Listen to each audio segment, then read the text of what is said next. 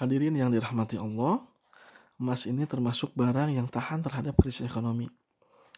Saat nilai mata uang berjatuhan, emas malah sebaliknya. Contoh, saat krisis ekonomi tahun 1998, di mana mata uang kita mengalami penurunan nilai yang besar, nilai emas malah berlipat. Begitu pula saat terjadi krisis perumahan di Amerika sekitar tahun 2008 yang waktu itu sangat mempengaruhi perekonomian global. Emas juga malah mengalami kenaikan yang cukup signifikan. Saat itulah, kalau para pendengar ingat, booming di Indonesia banyak lembaga-lembaga investasi yang menawarkan investasi emas. Jadi saat ekonomi relatif stabil, inflasi terkendali, maka kenaikan harga emas cenderung lambat untuk meningkat namun saat kondisi ekonomi tidak stabil, seperti adanya peperangan, kemudian krisis, kenaikan harga emas menjadi lebih cepat meningkat. Lalu, bagaimana dengan saat ini? Beberapa tahun terakhir, memang kondisi dunia relatif kurang stabil. Seperti terjadi krisis di Timur Tengah, krisis mata uang di Eropa, perang dagang antara Amerika Serikat dan Cina, perang minyak, dan terakhir wabah virus corona.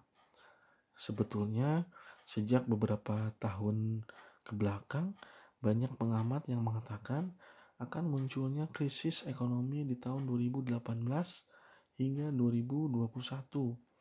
Malah ada yang mengatakan siklus krisis ekonomi 10 tahunan, tahun 98, kemudian 2008, dan 2018.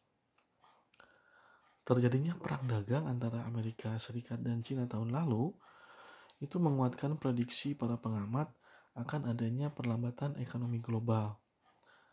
Apalagi munculnya wabah virus corona semakin menguatkan prediksi para pengamat akan datangnya resesi ekonomi di tahun ini.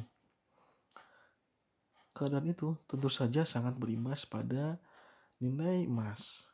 Sepanjang tahun 2018, emas mengalami kenaikan sebesar 17%.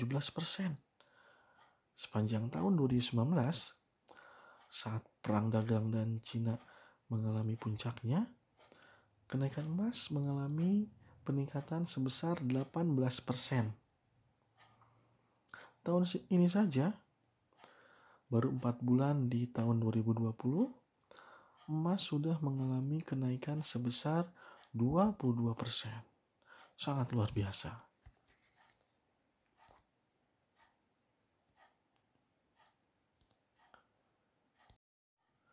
Hadirin yang dirahmati Allah, karena emas nilainya stabil, maka emas memiliki sifat anti-inflasi atau zero inflation effect. Sifat inilah yang menyebabkan emas memiliki sifat lindung nilai dan memiliki nilai investasi. Salah satu prinsip investasi adalah bagaimana caranya keuntungan dari instrumen investasi yang kita pilih melebihi inflasi tahunan, dan emas mempunyai kemampuan itu. Emas memiliki kelebihan yang pertama dari aspek resikonya yang rendah. Kemudian aspek kemudahan dalam berinvestasi serta aspek likuiditas yang baik. Walaupun memang imbal hasil dari emas ini relatif sedang.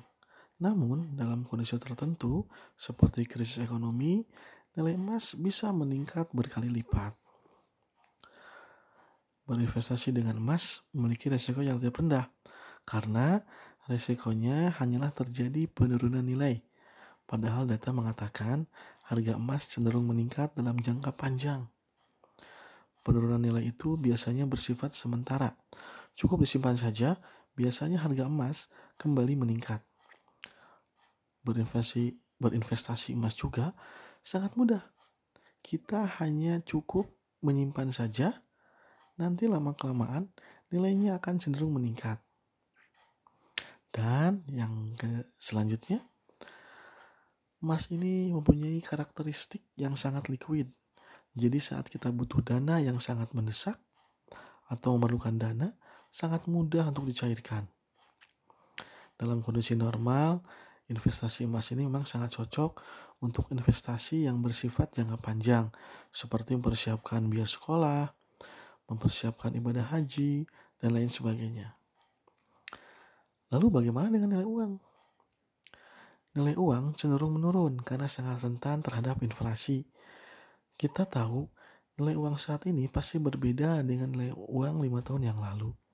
Saya yakin kalau kita membawa uang 100 ribu ke supermarket, pasti akan berbeda nilainya dengan uang 100 ribu yang kita bawa lima tahun yang lalu. Saya yakin barang yang kita bawa pasti akan lebih sedikit daripada barang yang kita bawa lima tahun yang lalu. Contoh yang paling nyata bahaya inflasi terhadap perekonomian suatu negara adalah apa yang terjadi pada negara Zimbabwe dan Venezuela. Sebagai akibat dari inflasi yang sangat luar biasa atau disebut hiperinflasi, mata uang kedua negara tersebut tidak berharga hingga hanya untuk membeli sepotong roti saja itu memerlukan uang sangat banyak sampai bergepok-gepok. Lalu, apakah mata uang kita juga terdampak inflasi? Tentu saja. Kita lihat, pada tahun 1990-an, nilai uang 4 juta itu bisa dibelikan motor Astrea Grand terbaru. Dan tahukah para pendengar, bahwa uang 4 juta saat itu jika dibelikan emas bisa membeli 200 gram emas. Bagaimana dengan saat ini? 4 juta saat ini hanya cukup membeli motor second atau sepeda saja tanpa motornya. Uang 4 juta saat ini kalau dibelikan emas hanya cukup membeli kurang dari 5 gram saja. Lalu berapa nilai 200 gram saat ini? Saat ini 200 gram emas setara dengan 172 juta. Sangat luar biasa. Kemudian, pada tahun 1995, pemerintah pernah mengeluarkan koin emas dengan berat 50 gram dan kadar 22 karat. Dan tertulis nominalnya adalah 850 ribu rupiah. Saat ini, jika kita memiliki koin emas tersebut, daripada ditukarkan dengan nominal senilai 850 ribu rupiah, lebih baik kita jual saja emasnya. Saat ini koin tersebut kalau dinilai kandungan emasnya kurang lebih bernilai 39 jutaan. Masya Allah.